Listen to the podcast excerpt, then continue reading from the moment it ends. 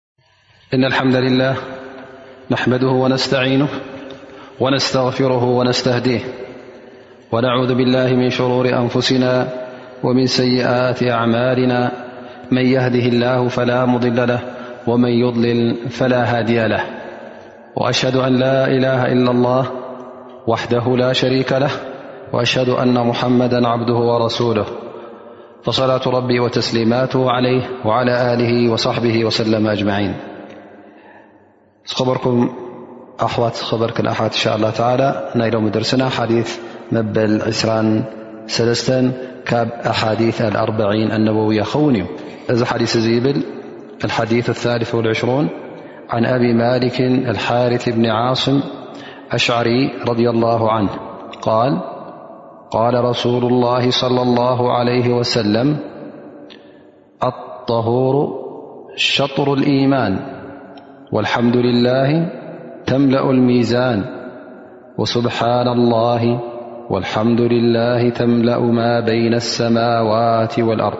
والصلاة نور والصدقة برهان والصبر دياء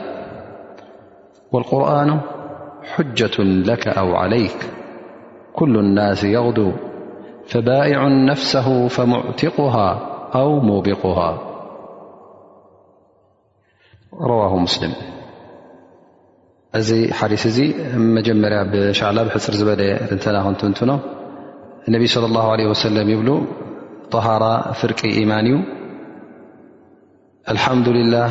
ትብል ቃል እውን ነቲ ሚዛን ናይ ዮም ቅያማ ትመልእ ስብሓና ላህ ወልሓምዱሊላህ ክልትኤን ድማ ኣብ መንጎ ሰማያትን መሬትን ዘሎ ኩሉ ይመልኣ ሰላት ብርሃን እያ ሰደቃ ከዓ መርትዖ እያ ሰብሪ እውን ብርሃን እዩ ቁርን ከዓ ወይ ንዓኻ መርትዖን ተኻታዕን ይኾነልካ ወይ ከዓ ኣንፃርካ እውን ይኸውን ኩሉ ሰብ ይንቀሳቀስ ይብገስ ይለዓል ገሊኡ ከዓ ነፍሱ ካብ ናፃ የውፅኣ ማለት እዩ ገለ እውን ንነፍሱ ኣብ ሕማቕ የውድቓ እዚ ዩ እቲ ሕፅር ዝበለ ትንተና ናይ እዚ ሓዲስ እዚ እንሻ ላ ኣብቲ ሰፊሕ ትንተና ክንኣቱ እዚ ሓዲስ እዚ ብጣዕሚ ዓብ ትሕዝቶ ዝሓዘ ሓዲስ እዩ ብዛዕባ ናይ ጠሃራ ዝጠቅስ ከምኡ ውን ዚክር ኣላ ስብሓን ወተዓላ ክትዘክር ምስጋናን ብንፅህና ክትውድሶን ክትዝክሮን ዝፅውዕ እዩ ጉዳይ ሰላት ጉዳይ ሰደቃ ከምኡውን ካልእ ዓይነት ዕባዳታት ናይ ትዕግስትን ሰብርን ዝጠቅስ እዩ ከምኡ ውን ክታብ ቁርን ብቁርን ን ተገዳስነት ንክህልወና ዝፅውዕ በቲ ኣብኡ ዘለውን ተግባራትና ኩሉ ክንፍፅም ተግባራትና ኩሉ በቲ ኣብቲ ቁርን ዘሎ ክንፍፅሞ ዝደፋፍዕን ዝፅውዕን ሓዲስ እዩ ኣብ መጨረሻ ውን ወዲ ሰብሲ ነፍሱ ናፃ ከውፅኣ ከምዘለዎ ቃልሲ ኩሉ ንድሕነት ነፍሱ ክኸውን ከምዘለዎ ዝሕብር ሓዲ ይኸውን ማለት እዩ ኣብቲ መጀመርያ ሓዲ ነቢ ስ ሰለ እንታይ የብሉ ኣጣሁሩ ሸጥሩ ልኢማን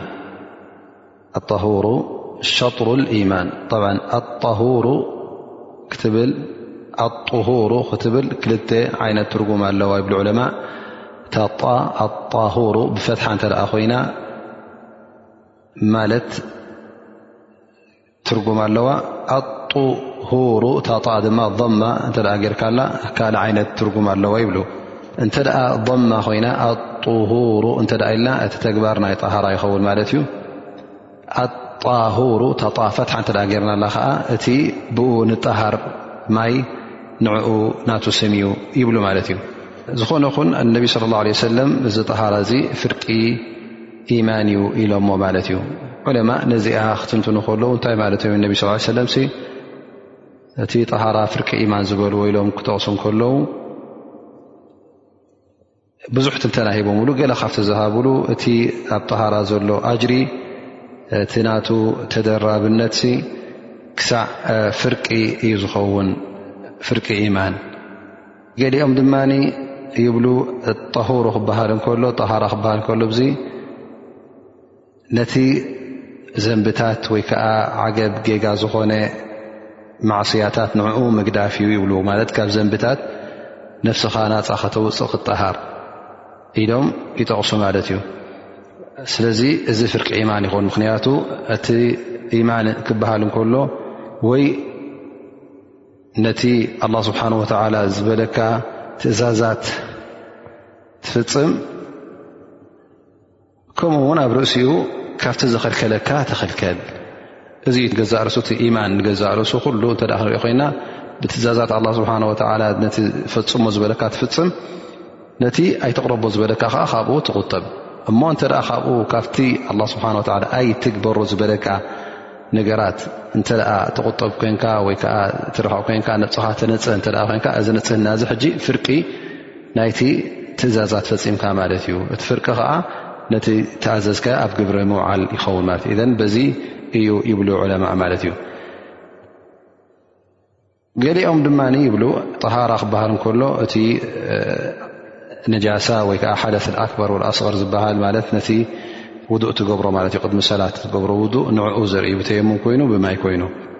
ኢማን ድማ ሰላት እነቢ ስለ ላ ሰለም ኣጠሁር ሸጥሩ ኢማን ክብሉና ከለዉ ኣልኢማን ብማዕና ሰላት ትርጉማ እዛ ኢማን ስብዚኣ ሰላት እያ ስለዚ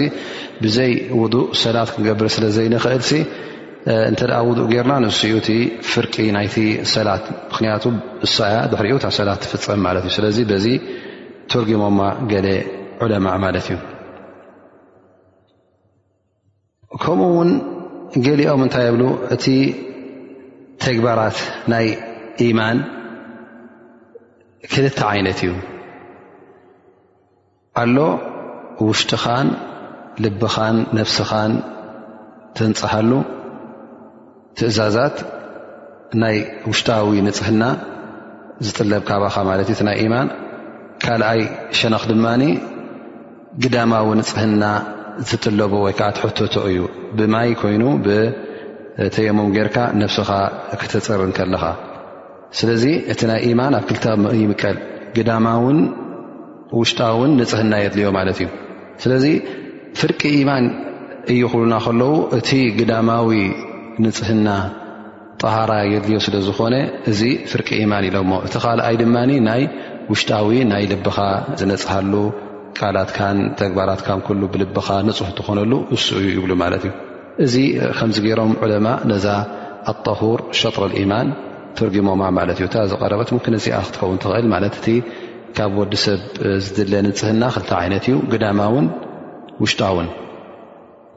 ጠሃራ ብማይ ምንፃህ ከዓ ናይ ግዳማዊ ስለ ዝኾነ እዚ ተሓደ ፍርቂ ክኸውን እቲ ካልኣይ ፍርቂ ከዓ እቲ ውሽጣዊ ይተርፍ ማለት እዩ ድሕሪኡ ነቢ ለ ላ ለ ወሰለም ይብሉ ወልሓምዱልላህ ተምለኡ ልሚዛን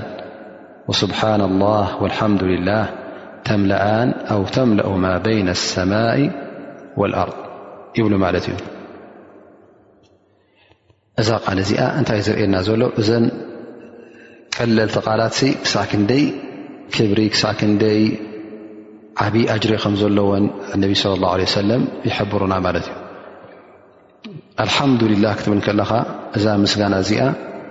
ናትካ ሚዛን ኣብ ዮም ኣልቅያማ ከቢድ ትገብሮ ማለት እዩ ምኽንያቱ ውደሳን ምስገናን ሰናይ ዝኾነ ምስጋና ንኣላ ስብሓን ወተዓላ ስለ ትህብ ዘለኻ በቲ ዝሃበካ ሽሻያትን ኒዕማታትን ንዕኡ ተመስገን ስለ ዘለኻ እቲ ናቱ ኣጅር ድማ ብጣዕሚ ዓብ ከቢድ ኣጅሪ ይኸውን ማለት እዩ ከምኡ ውን ስብሓና ላ ትብል ቃል ስብሓና ላ እንታይ ማለት እዩ ንኣላ ስብሓን ወተላ ካብ ኩሉ ጉድለት ተንፅሖ ኣለኻ ማለት እዩ ኣታ ወይታይ እስኻ ካብ ኩሉ ጉደታት ንፁሕ ይካልካ ትውድሶ ስለ ዘለኻ ዓብዪ ኣጅሪ ኣለዎ ማለት እዩ ስለዚ እቲ ናተን ኣጅርስ ከም ኣካል ኮይኑ ነይሩ እንተዝኸውን ነዚ ኣብ መንጎ ሰማይን መሬትን ዘሎ ስፍሓት መመልኦ ነይሩ ይብሉ ነቢና ሙሓመድ ለ ላ ለ ወሰለም ብ ስብሓ ላ ክትብል ኣልሓምዱላ ክትብል ላላ ክትብል ከምዝኣመሰለ ኣዝካር መልሓስካ ኩሉ ግዜ በዚ ምስጋናን ውደሳን እናደገምካ እናደጋገምካ ንኣላ ስብሓን ወተዓላ ክዝክሮ ኣድላይ ከም ምኳኑ ዓብ ኣጅሪ ከም ዘለዎ ኣብ ብዙሕ ኣሓዲ ኣብ ብዙሕ ትእዛዛት ነቢና ሙሓመድ صለ ላه ለ ወሰለም ንረኽቦ ኢና ሓደ ካብኡ ነቢ صለ ላه ለ ወሰለም ን ኣብ ሁረይረታ ይብሉ የቁል ነቢ ስ ሰለም ከሊመታኒ ከፊፈታኒ ዓላ ሊሳን ثቂለታኒ ፊ ልሚዛን ሓቢበታኒ ኢላ ራሕማን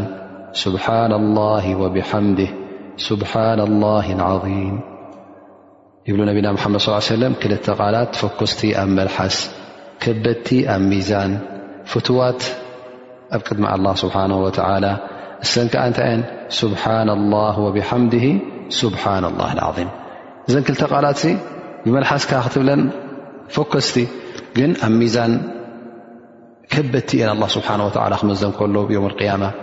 ኣላ ስብሓን ወተላ እውን ይፈትወን እዩ ስብሓና ላህ ወብሓምድ ስብሓና ላ ዓም ኢልካ ክደገም እንከለኻ እዚ ትሕዝቶ እዚ ካብ ዝትሕዝቶ ናይ ዚ ሓሊስ እዚ ተምለኡ ሚዛን ክብለና እንከሎ እንታይ እዩ ዘርእየና ማለት እዩ እቲ ክንኣምነሉ ዘለናስ ኣብ ዮም ቅያማ ዮም ልበዓት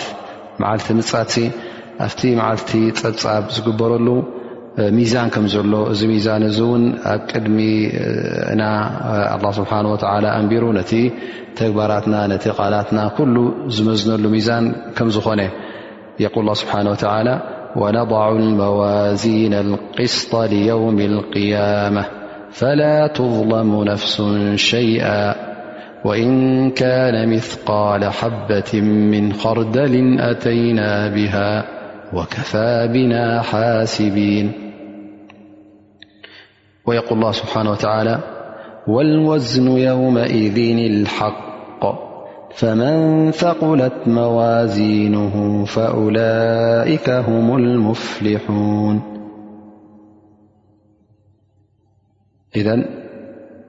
ሚዛን ከም ዘሎ ክንኣምን ኣለና ተግባራትና እውን ኣላ ስብሓን ወተላ ክመዝንኾ ምዃኑ ወላ እውን እቲ ተግባራትና ብኢትካ ዝትንከፍ ብዓይኒ ዝርአ ኣይኹን ዳኣ እምበር ኣላ ስብሓን ወተዓላ ክመዝኖ እዩ እቲ ዝምዘን እቲ መዝገባት ክኸውን ይኽእል እዩ ወይ ከዓ እቲ ሰብ እውን ይምዘን እዩ ኩሉ ይምዘን እዩ ኣብ ሓዲ ነቢና ሓመድ ለ ላ ለ ወሰለም ተጠቐሰ እንተ ርእናዮ ነዚ ኩሉ ዝጠቅስ ኣሎ ማለት እዩ ስለዚ እቲ ክንኣምነሉ ዘለና ኣላ ስብሓን ወተላ ቀዳማይ ነገር ነቲ ተግባራት ናይ ደቂ ሰባት ኣብ ዮም ቅያማት ሰናይ ንተእከይን ኩሉ ይመዝኖ ከም ምኳኑ እቲ ዝክኣየናይ ከም ዝከብድ እዚ ሚዛን እውን ርኡይ ሚዛን እዩ ኣብ ቅድሚቶም ፈልቂ ኣብ ቅድሚ ህዝቢ ኣብ ቅድሚ ፍጡራት ኮፍ ክብል እዩ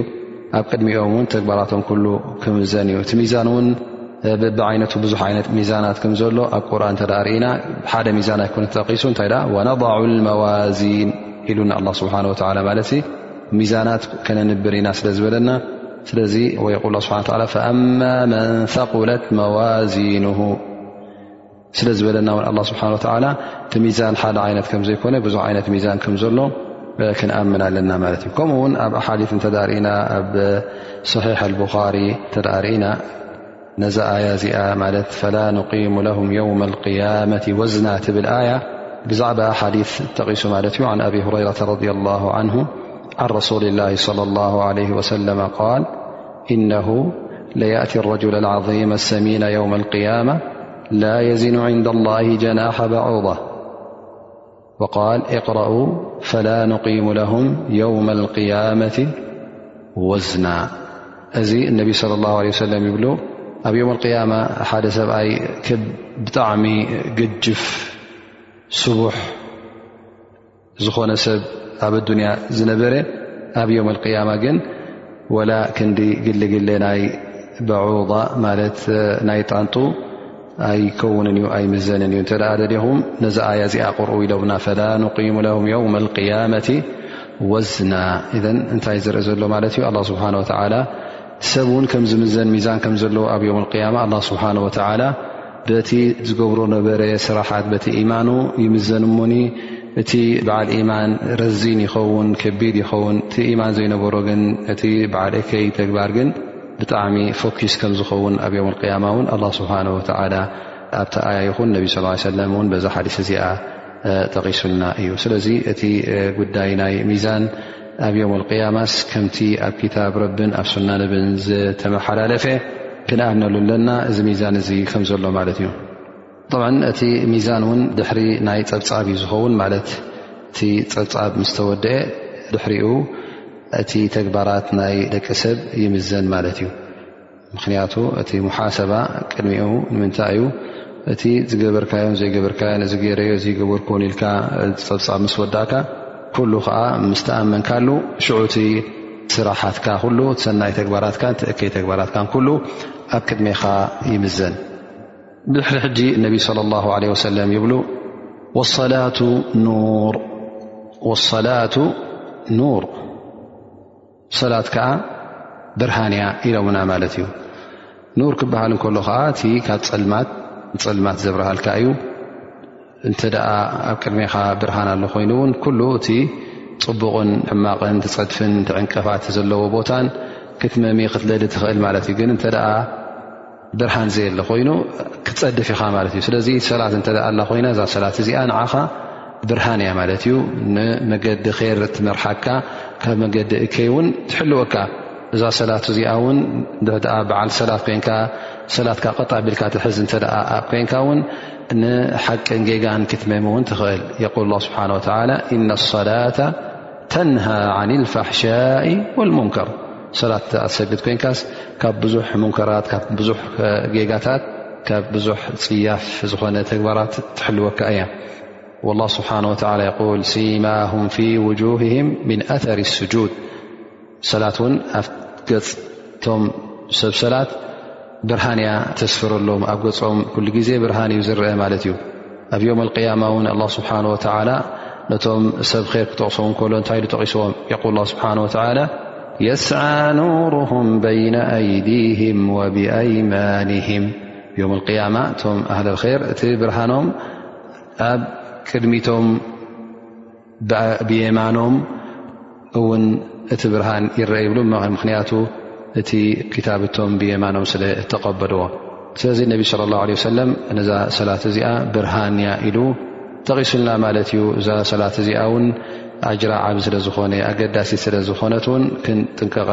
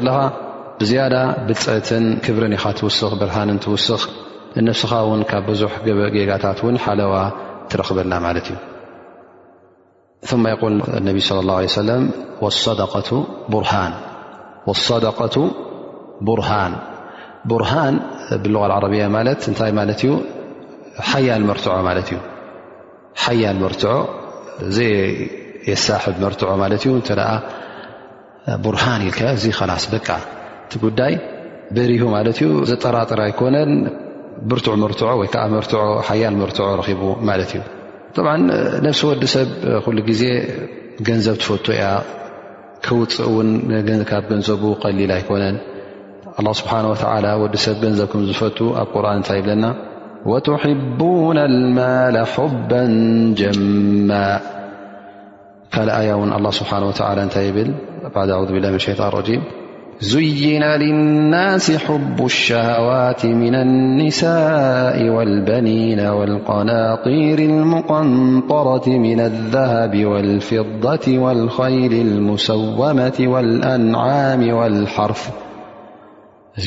سمالل نجرات فتي مال كوينو ولات كوينو ببعينته ورك كينو طريت كوينو ኣፍራስ ይምሰል ካልእ ዓይነት ማሕረስ ይኹን ኩሉ ገንዘባት ወዲ ሰብ ከም ዝፈቱ ኣላ ስብሓን ወተዓላ ሓቢሩና እዩ ስለዚ ወዲ ሰብ እንተ ደኣ ካብዚ ገንዘብካ እዚ ሊላ ኢልካ ንመሳኪን ሃብ ሊላ ኢልካ ዘካታ ውፅእ ክትብሎም ከለኻ ይኸብዶ እዩ ይኸብዶ ስለ ዝኾነ ድማ እነቢ ስለ ላ ሰለም ኣብዛ ሓዲስ እዚኣ እንታይ ይብሉ ወሰደቀቱ ቡርሃን ሕጂ እዛ ተውፅኣ ሰደቃ እታ ተውፅኣ ዘካት ዓብይ መርትዖ እያ ናይ ምንታይ ናይ እምነትካ ከም ዝኣመንካ ብዝያዳ እንታይ ትገብር ማለት እዩ ከም መርትዖ ትኸውን ማለት እዩ ስለዚ እቲ ሰደቃ ዝህብ ሰብ ሊላ ኢሉ ዘውፅእ እዚ ሰብ እዚ በዓል ኢማን በዓል ሓያል ኢማን እዩ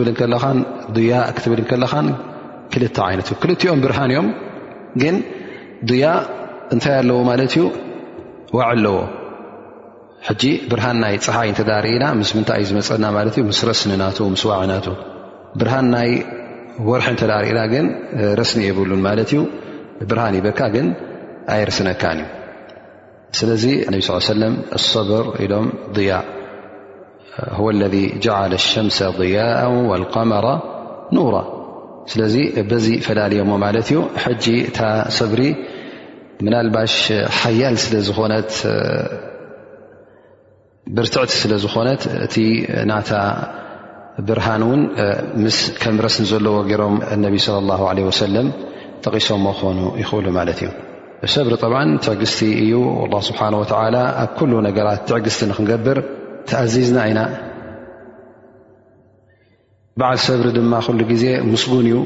ኩሉ ግዜ እውን ብብርሃን እዩ ዝኸይድ እቲ ዝወስዶ ስጉምቲ እውን ኩሉ ግዜ ቕኑዕ ይኸውን ማለት እዩ በዓል ሰብሪ ኩሉ ግዜ ሰብሪ እንተ ጌርካ ትዕግስቲ እተ ጌርካ ኣብቲ ትደልዮ ትበፅሕ ማለት እዩ ኩሉ ግዜ እውን ቕኑዕ ውሳነ ኢኻ ትወስድ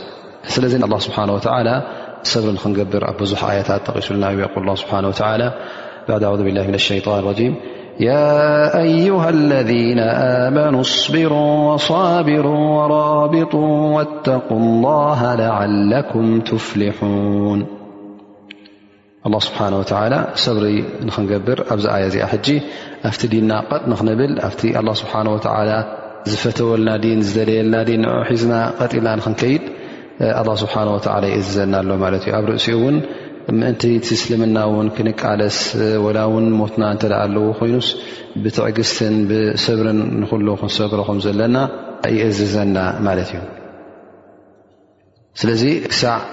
እታ ትመውትሲ ኣብ መርገፅካ ኣብቲ ሓቅኻ ኣብቲ እምነትካ ቀጢልካ ንክትፀንሕ ሰብሪ ንክትገብር ኣላ ስብሓን ወተላ ይእዘካ ኣሎ ወላ እውን እቶም ክሓቲ ይኹኑ እቶም ሙናፍቒን ይኹኑ ካብቲ ዘለኻዮ እምነት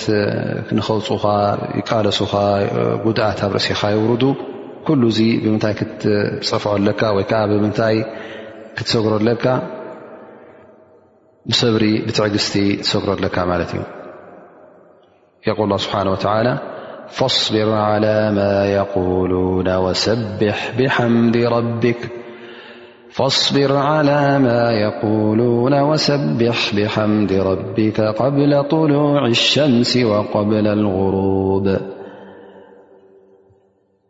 ሰብሪ ድማ ብልፀት ኣለዎ ምክንያቱ እቲ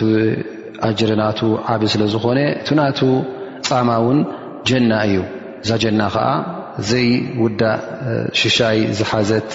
ቀፃሊ ዝኾነ ሽሻይ ዘለዋ እያ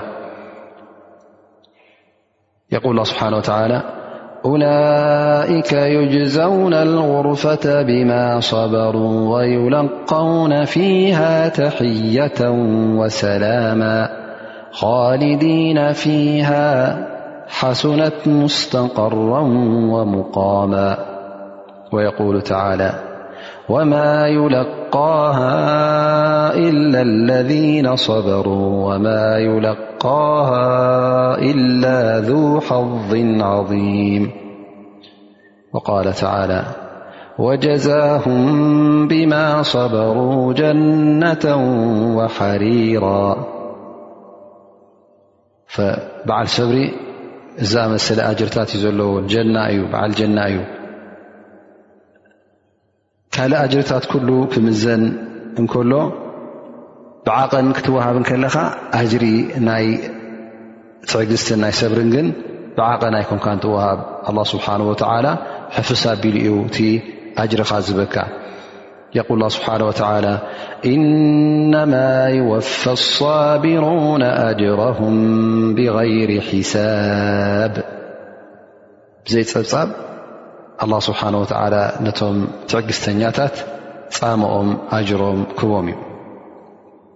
ከምቲ ኩላህና እንፈልጦ ድማ ሰብሪ ወይ ከዓ ትዕግስቲ ሰለስተ ዓይነት ኣብ ሰለስተ ይምቀል እቲ ቀዳማይ ኣሰብሩ ዓላ ጣዓት ላህ ዘ ወጀል ማለት እቲ ቀዳማይ ሰብሪ ዓይነት ናይ ሰብሪ እቲ ኣላ ስብሓን ወተዓላ ዝኣዝዘካ ንዕኡ ንኽትፍፅም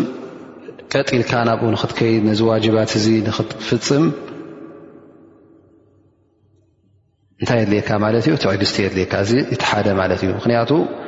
ብዙሕ እንቅፋታት እዩ ዘጓንፈካ ነቲ ኣላ ስብሓን ወላ ዝኣዘዘካ ትእዛዛት ንኸይትፍፅም ሸይጣን ይዕንቅፈካ ነብስኻ ትዕንቅፈካ ዊንታ ናይ ነብስኻ ድልት ናይ ነብስኻ ሻሃዋታት ኩሉ እዚ ዕንቅፋታት ይኾነካ ማለት እዩ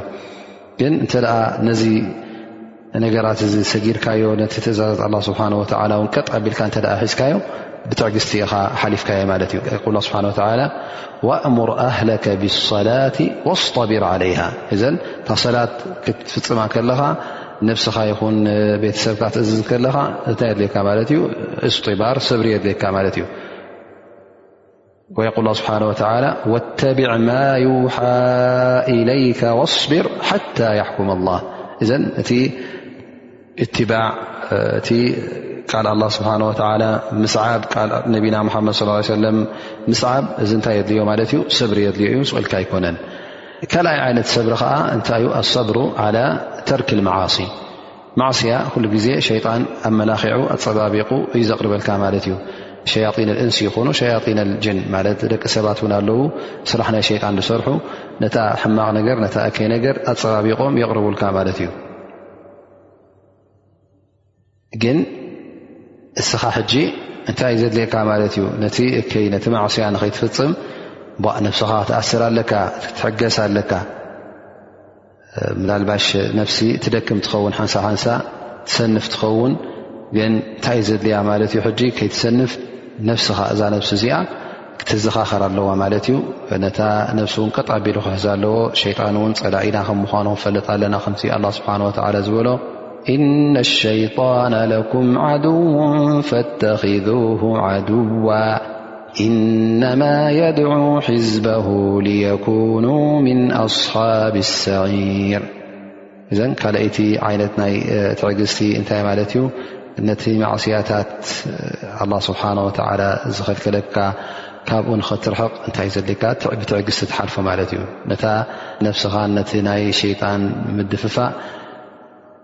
ንዕኡ ሕራይ ንኸይትብል እንታይ የድልየካ ትዕግስቲ የድልየካ ማለት እዩ ሳልሰይቲ ኣሰብሩ ዓላ ተሓሙል በላእ ኣው ዓላ በላእ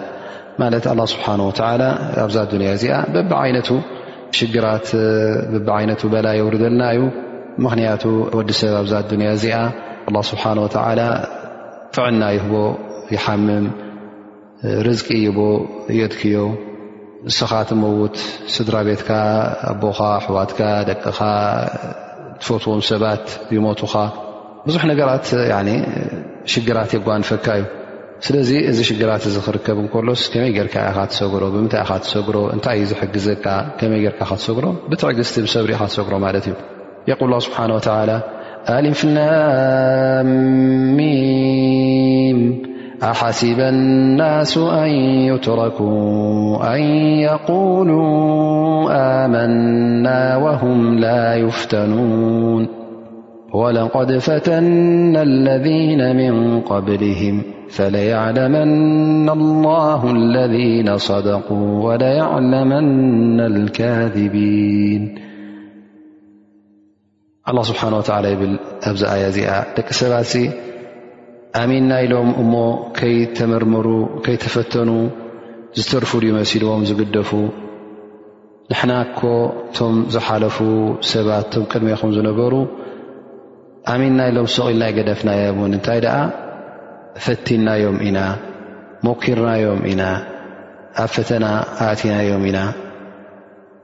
በዚ ፈተና እዚ ከዓ ኣላ ስብሓን ወተዓላ እቶም ሰብ ሓቅን እቶም ሓሰውትን ይመም መን እዩ በዓል ሓቂ መን እዩ ዘይበዓል ሓቂ ኣላ ስብሓን ወተዓላ ይመም ፍላ ስብሓን ወተዓላ ዝኾነ ይኹን ባርያ ኣብ ነፍሱ ይኹን ኣብ ማሉ ኣብ ውላዱ ኣብ ስድራ ቤቱ ኣብ ካልእ ነገራት ኣብ ብዙሕ ነገራት ኣብ ፈተና የውድቆ እዩ ግን እቲ በዓል ሰብሪ እዩ ኩሉ ግዜ ዕዉት ግዴታ እውን ኩላህና ሰብሪ ክንገብር ኣለና ምክንያቱ እቲ ዝወርዘካ መዓት ዝወርዘካ ሽግር ካብ ኣላ ስብሓን ወተላ ከም ምኳኑ እተ ተኣምን ኮንካ እሞ ከዓ እዚ ዝወረደ እውን ኣንፀርፅርካ ዝምለስ ኣይኮነን ስለዚ እንታይ ክትገብር ኣለካ ንኣላ ስብሓን ወተላ ድዓ ክትገብር ኣለካ ትዕግስቲ ክትገብር ኣለካ ምእንቲ ኣጅሪ ክትረክብ ኩሉ ግዜ እቶም በላእ ዝወርዶም እውን እቶም መገዲ ር ሒዞም ዝኮዱ እውን ኣላ ስብሓን ወተላ ንዕኦም እውን የብተልዮም እዩ ይምርምሮም እዩ ወላ እውን እቶም ኣንብያ ኣላ ስብሓን ወተላ ኣብ ብዙሕ ፈተና ኣብዲቕዎም እዩ ምእንቲ እቲ ኢማኖም ቀጥ ንክብሉ እቲ ኢማኖም እውን ንክተርር ማለት እዩ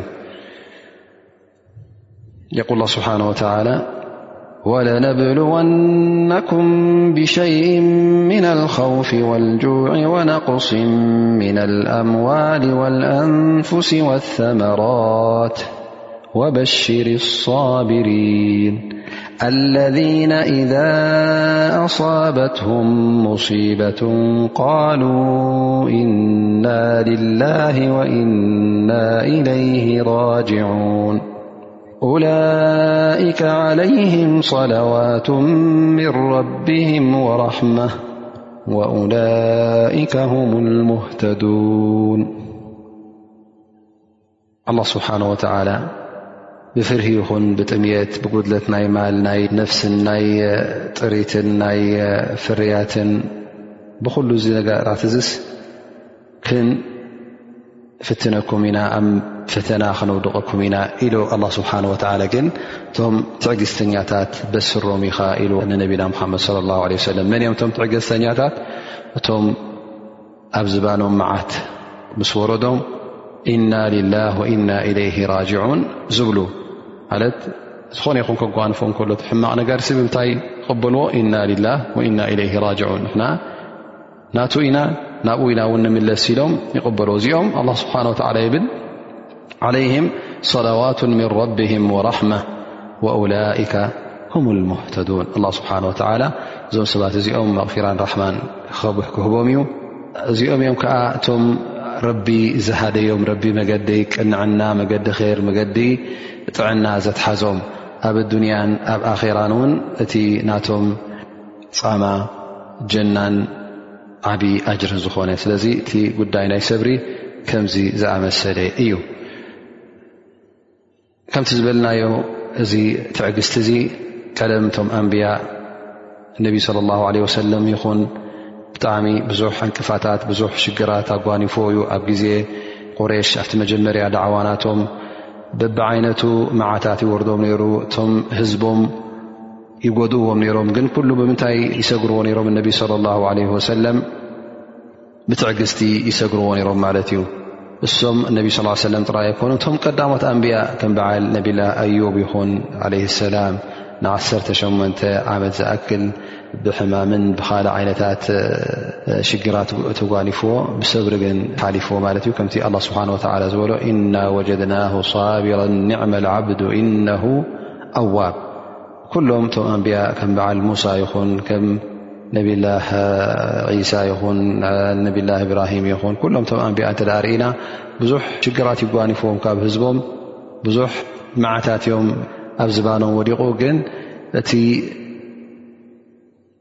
ድልት ናቶም እቲ ሞያ ናቶም ንህዝቦም ናብ ሓቂ ንምምራሕ ንር ንምምራሕ ስለ ዝነበረ እቲ ኩሉ ዕንቅፋታት ትኩሉ ሽግራት ብምንታይ ይሰግርዎ ነሮም ብትዕግስቲ ይሰግርዎ ነሮም ከምኡውን ኣስሓብ ነቢ ብፆት ነቢና ሙሓመድ ለ ላ ለ ወሰለም ኣብቲ መጀመርያ ናይ ዳዕዋ እቶም ዝኣመኑ እተ ርእና እቶም መጀመርያ ብእስልምና ዝኣተዉ ካብ ቤተሰቦም ካብ ኣዴታቶም ካብ ኣቦታቶም ካብ ማሕበረሰቦም ካብ ኩሉ ብዙሕ ሽግር ይደጓንፎም ነይሮም ናይ መግረፍትን ናይ ማህረምትን ክሳዕ እውን ምቕታል እውን ክበፅሕ ውን እቀራረብ ነይሩ ማለት እዩ ንክቕትልዎም ውን ትንዕብሉ ነይሮም ማለት እዩ እዚ ኩሉ ግን ፍፁም ካብቲ እምነቶም ነቓ የበሎምን ብዝያዳ ድኣ ኣብቲ እምነቶም ቀጢሎም ጉዕዞ ናይ እምነቶም ስለ ዝቕፀሉ እነሀልካ ድኣ እቲ እስልምና እውን ክሳዕ ሎሚ ፀኒሑ ኣሎ ማለት እዩ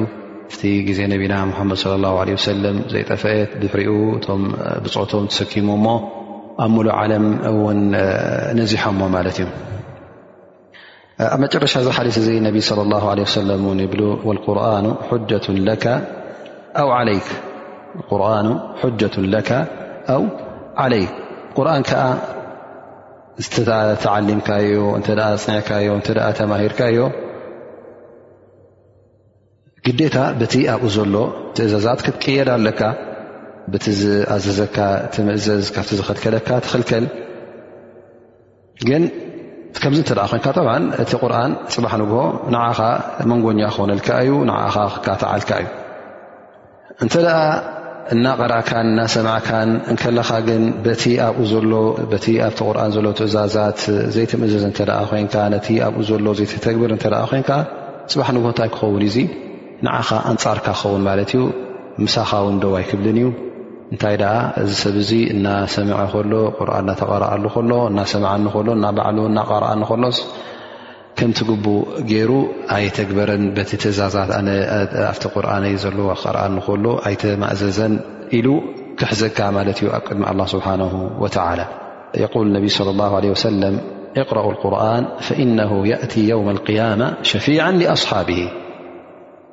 قرآنؤموم القةقرآنم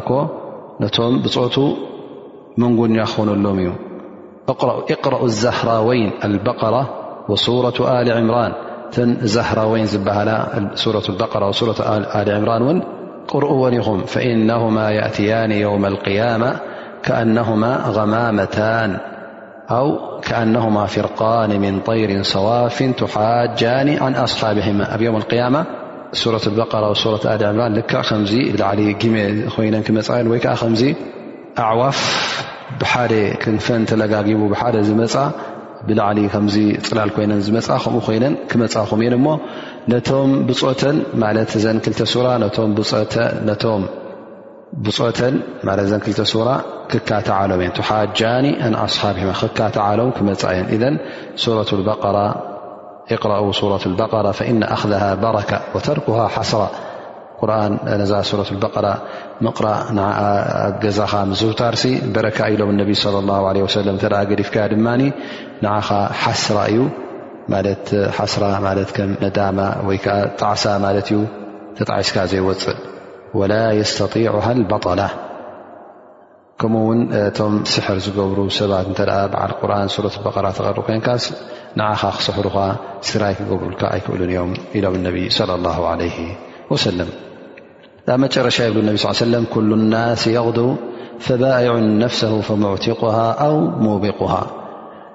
ጠብዓ ደቂ ሰብ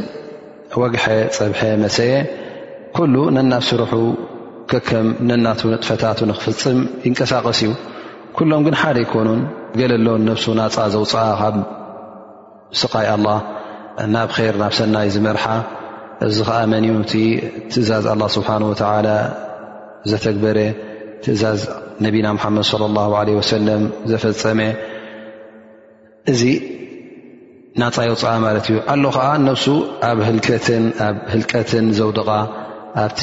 ስቃይ ኣላ ስብሓን ወተላ ዝድርግማ ኣብቲ ናይ ኣዱንያን ናይ ኣኼራን ውርደትን ዘጥፍኣ ማለት እዩ እዚ ከዓ መን እዩ ስራሓት ኩሉ ኣንፃር ትእዛዛት ኣላ ስብሓን ወላ ክኸውን ከሎ ኣንፃር ትእዛዛት ነቢና ሓመድ ስ ሰለም ክኸውን ከሎ ካብቲ ትእዛዛት ሰጊሩ ሕጊ ኣላህ ክጥሕስ እንከሎ እዚ ሕጂ እንታይ ይኸውን ማለት እዩ በዓል ማዕስያ ስለ ዝኾነ ነብሱ የህልቕ ኣሎ ማለት እዩ ላ ስብሓን ወተላ የል እነ ሳዕየኩም ለሸታ ኩሉ ሰብ እቲ ምንቅስቓሳት ናቶም እቲ ንጥፈታት ናቶም ሓደ ኣይኮነን በብ ዓይነት እዩ ገለ ሰብ ነብሱ ናፃ የውፅኣ ገለ ከዓ ነብሱ የጥፍኣ ማለት እዩ ስለዚ እንተ ደኣ ክትጠፍእ ኮንካ ባዕልኻ ኻን ነብስኻ ተጥፍኣ ዘለኻ እንተ ነብስኻ ናፃ ከተውፅእ ኮንካ ኣብ ምሕረት ውን ከተብፅሓ እተ ደሊ ኮንካ ንስኻ ኢኻ ተብፅሓ ማለት እዩ ከመይ እሞ ኣላ ስብሓን ወተላ ክታብ ኣውሪዱልካ ልኡኻን ልኢኹ እዩ እቲ ካባኻ ዝድለ እውን ኣላ ስብሓን ወተላ ኣብሪሁልካ እዩ ዝገደፎ የለን ስለዚ እስኻ ኩሉ በሪህልካ እንከሎ እንተ ደኣ ነቲ ዝበረሃልካ ሓቅታት ሒዝካ ቀጣቢልካ ከትካ መገዲ ረቢ መገዲ ኣላ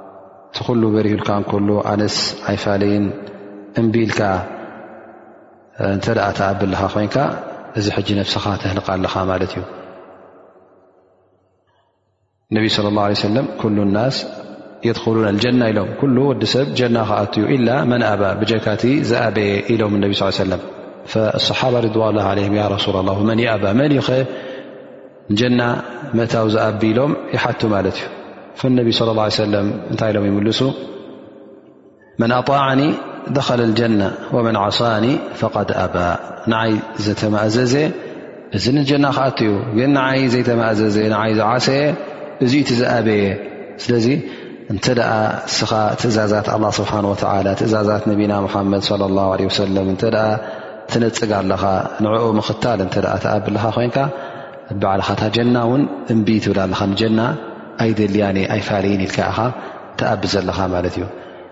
ስለዚ እቲ ናይ ጀና ምእባይሲ እንታይ እዩ ነቲ ትእዛዝ ኣላ ስብሓን ወተላ ከምኡውን ትእዛዝ ነቢና ስለ ላ ሰለም ዘይምቕባል ማለት እዩ ኣብ መጨረሻ እተን ሕፅር ሕፅር ዝበላ ፋይዳታት ከም መዛዘሚ እተ ክንጠቕሰም ኮይና እንታይ ዘርእየና ዘሎ እቲ ኢማንሲ ናይ ቃልን ናይ ተግባርን ከም ምኳኑ ናይ መልሓስ በይኑ እኹል ከምዘይ ምኳኑ እንታይ ደኣ ቃላውን ተግባራውን ከም ምኳኑ እሱውን ብኢማን ማለት ኢማን ብጣዓ ብምእዘዛ ይውስኽ ከም ምዃኑ ብማዕስያ ድማ ይጎድል ከም ምዃኑ ዝሕብር እዩ ከምኡ ውን ኣብዚ ሓዲስ እዚ እቲ ذክር ላ ስብሓን ወተላ ኣድላይ ከም ምዃኑ ብጣዕሚ ከነዘውትሮ ከምዘለና ኣብ ከነብዝሕ ከም ዘለና ዝእዝዝ እዩ ከምኡ ውን እዚ ሓዲስ እዚ ኣጣሁር ኢሉ ዝጀመረ ብዛዕባ ናይ ጠሃራ እንታይ ዩ እቲ ፅርት ኣገዳሲ ከም ምኳኑ ፅርት ውን ናይ ኣስላማይ ከም ምኳኑ በዓል ኢማን ኩሉ ግዜ ንፁህን ፅሩይን ከም ምኳኑ ፅርት ውን ጥራይ ግዳማዊ ዘይኮነስ እንታይ ደኣ ብግዳሙን ብውሽጡን እቲ ሙእምን ፅሩይ እዩ ንፁህ እዩ ከም ማይ ንጎ እዩ ምክንያቱ እንተ ኣብ መዓልቲ ሓሙሽተ ሻዕ ውዱእ ዝገብር እተ ኮይኑ ከምቲ ኣላ ስብሓን ወተላ ዝኣዘዞ እውን እቲ ናይ ነፍስኻ ምሕፃብ ዝሕፀብ እንተ ኮይኑ እዚ ሰብ እዚ እቲ ግዳሚ ኩሉ ግዜ ንፁህን ፅሩይ ክኸውን እዩ ከምኡ ውን በቲ ኣላ ስብሓን ወተላ ዝኣዘዞ ናይ እምነት ናይ ፍርሂ ኣላ ስብሓን ወተላ ናይ ሓቂ